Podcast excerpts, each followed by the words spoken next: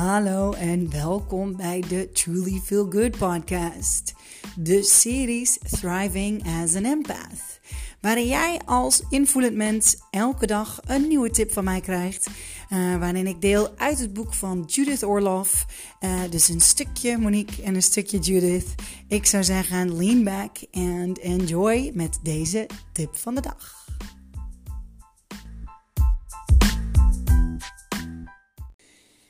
De titel van vandaag is Observe someone's behavior, not just their words. Komt-ie. Pay attention to how a person treats others when you're deciding if they'll make a trustworthy, loving friend or partner. People may say all kinds of impressive things about themselves, such as how spiritually evolved they are but the way they behave with the food server, their coworkers, children, or the disabled is a true indicator of the way they will ultimately act towards you. Watch for how considerate someone is when they think no one's watching, or if they have nothing to gain from their kindness. Do they wait patiently for an older woman pushing a walker as she slowly navigates a crosswalk?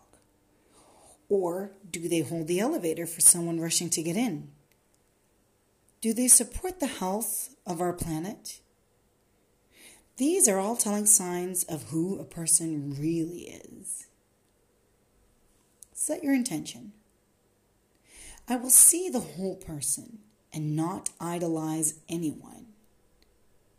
I will notice if someone's actions back up their words. Het mooiste van deze um, tip um, vind ik uh, het laatste stukje.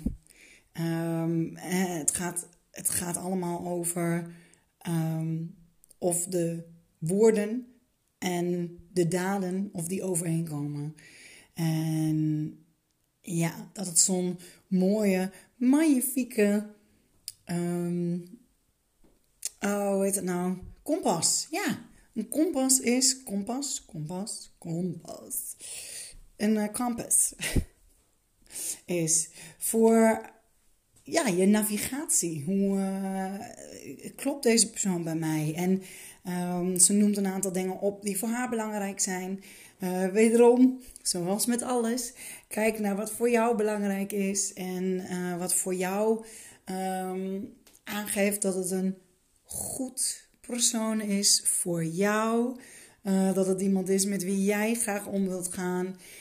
Ik, ik koppel deze wel weer een beetje aan ook liefdesrelaties. Omdat dat. Um, het lijkt ook een beetje op. Uh, nou ja, ja, ja, vooral liefdesrelaties en vriendschappen. Hè, daar waar je wat sneller de keuzes in maakt. En dat je echt kijkt van hé. Hey, um, ja, doet diegene wat hij zegt dat hij doet. En, uh, en, match dat met elkaar. En uh, ja, leuke tip. Ik denk heel eerlijk dat, nou, ja, dat dat eigenlijk uh, van nature wel gaat. Maar dat is weer vanuit mezelf gezien. um, ik let daar inderdaad op. Ik kan er ook heel slecht tegen als het niet zo is. Um, als iemand het ene zegt en het andere doet. En uh, als ik zelf dat soort acties heb, dat ik iets zeg en dat ik, uh, dat ik iets anders doe, dan, uh, ja, dan uh, sta ik op scherp. Um, ik vind het dan ook altijd een hele mooie indicatie, want wederom is daar dan weer ruimte. Zo van, hé, hey, maar stel ik zie dat bij mezelf, dan denk ik van, oh, maar waarom, waarom doe ik dat? Uh, waarom heb ik dat gedaan? En welke van de twee resoneer ik het meeste mee? Welke van de twee klopt op dit moment met deze situatie het meeste bij mij. En um, want ik, ik vind het heel vervelend om uh, onoprecht te zijn. En uh, uh, liegen, dat doet mij fysiek pijn. Dat voel ik ook op dit moment. Als ik het, terwijl ik het zeg, is het net alsof mijn hart samenknijpt. Uh, maar goed, dat gebeurt wel. Dat doe ik ook. Uh, dat doet elk mens, doet dat. En het is niet dat ik dat doe om te bedriegen. Ehm, maar goed, er zijn genoeg leugens die wij onszelf vertellen om verschillende redenen. Ehm, of, of een ander om, uh, om ook heel veel verschillende redenen. En als ik dus inderdaad dan kijk naar mijn eigen gedrag, die dus niet in lijn is met de woorden, dan, uh, ja, dan vind ik dat super boeiend. En dat vind ik, ja, dat, nou, hoor je misschien al, daar ga ik van aan. dat vind ik dan cool.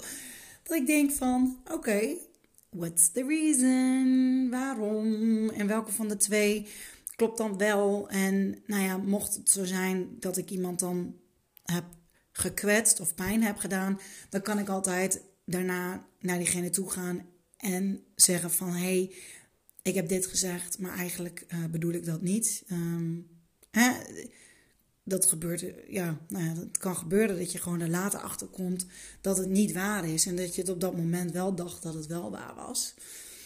Um, dus ja, ik vind hem vooral ook heel mooi om bij mezelf te observeren. Um, ja, en, en bij anderen, dat, dat is eigenlijk een beetje automatische piloot bij mij, um, persoonlijk.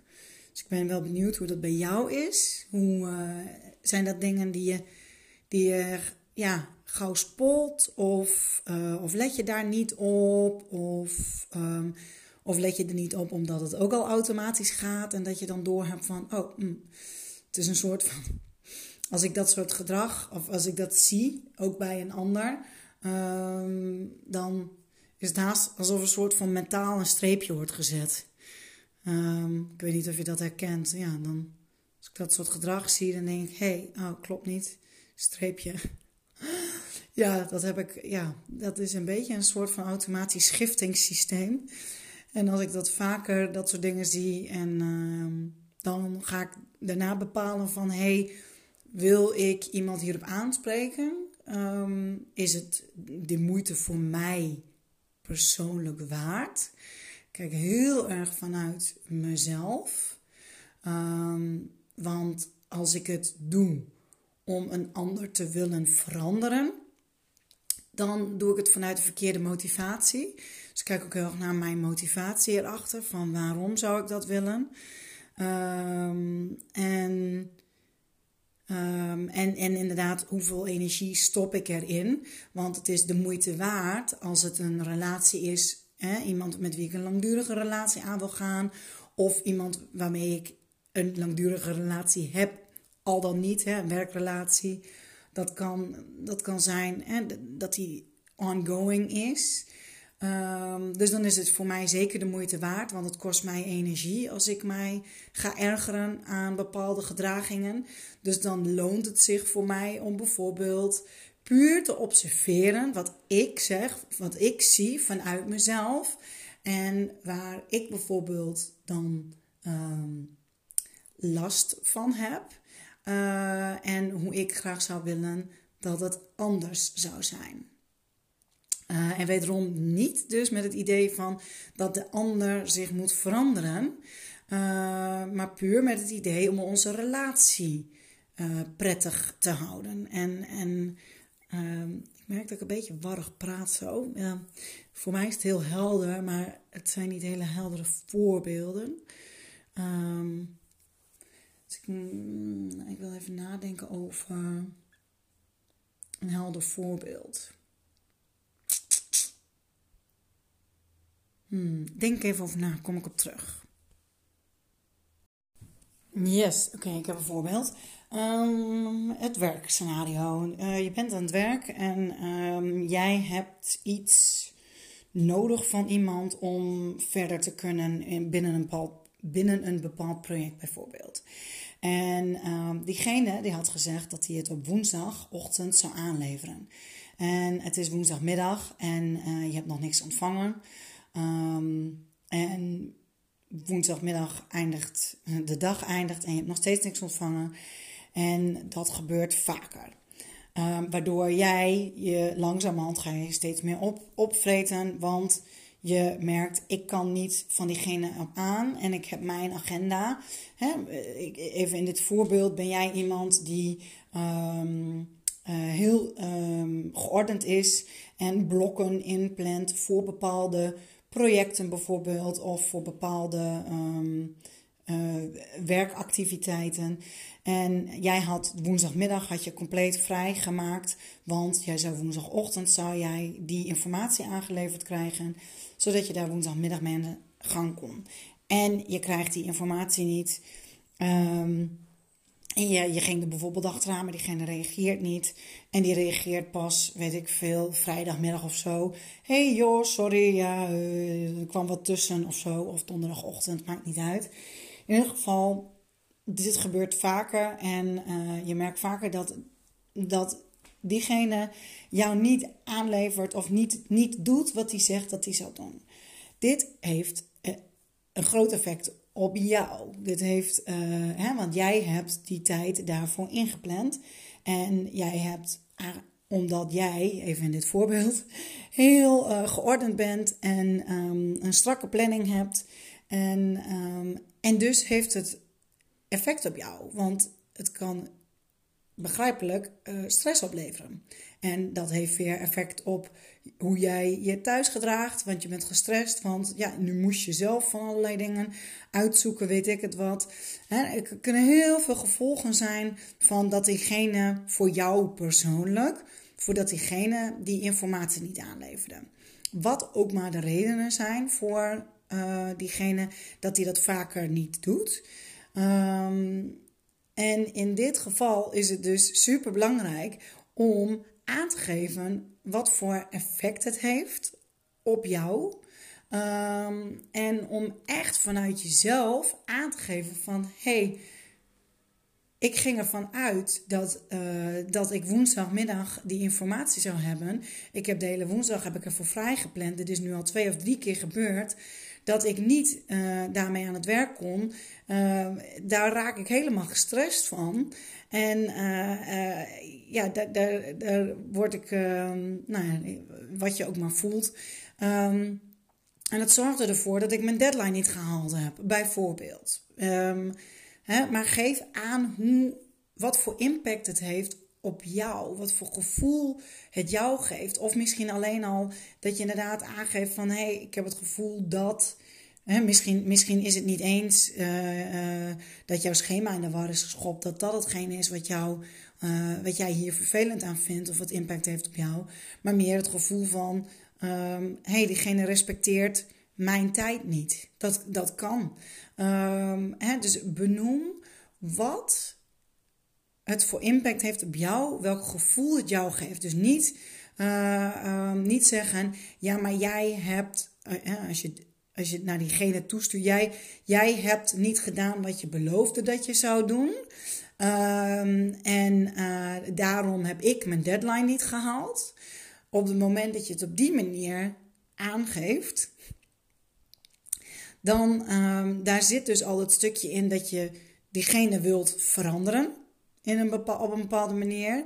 Daar heb jij geen invloed op. Je kunt niet iemand anders veranderen. Dat kan alleen diegene zelf.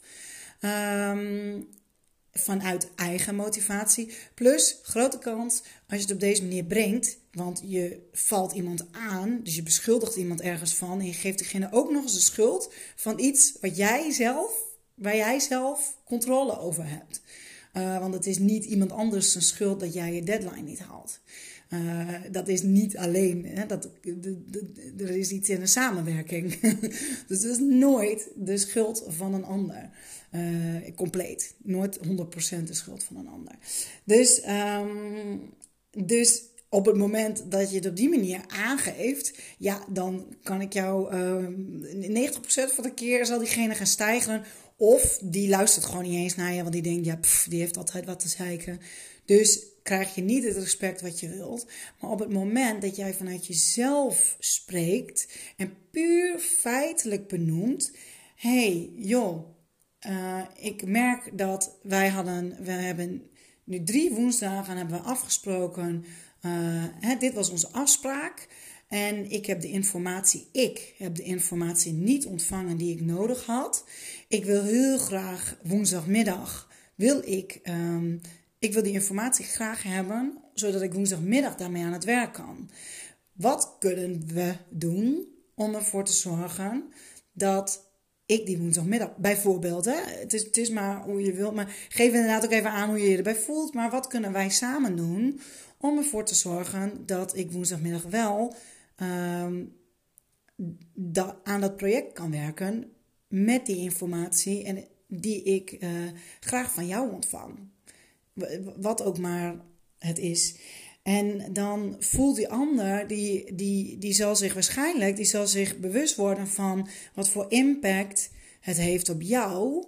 Uh, want misschien is diegene hartstikke druk, heeft super veel dingen te doen. Misschien gebeurt er van alles in diegene's leven. Is diegene zelf ziek? Is uh, zijn of haar vrouw ziek? Of, of, uh, um, of een partner?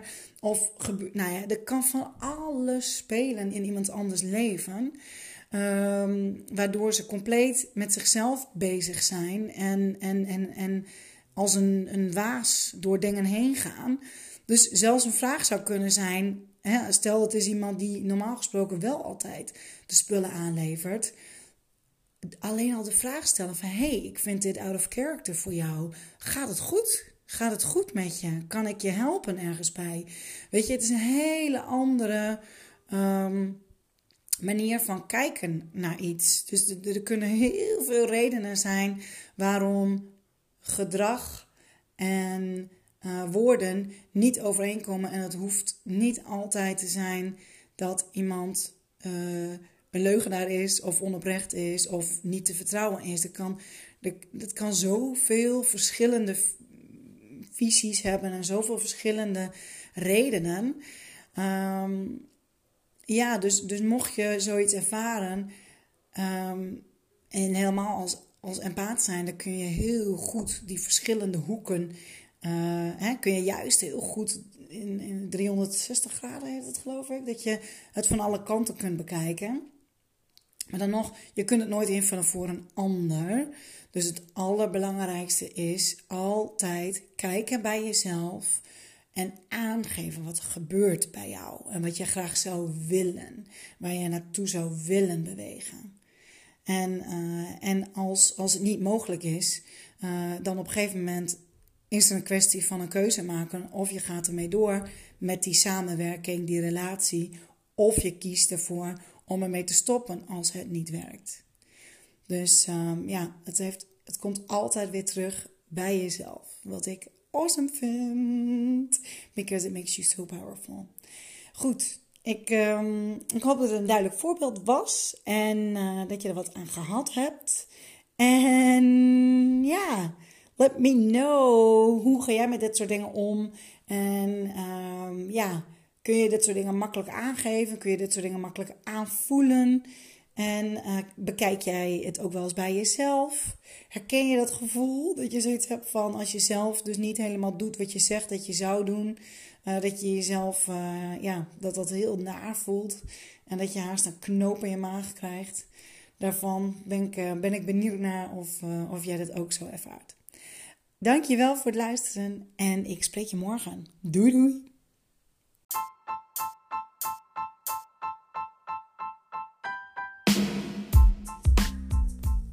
dat was alweer de tip van de dag van de Thriving as an Empath series.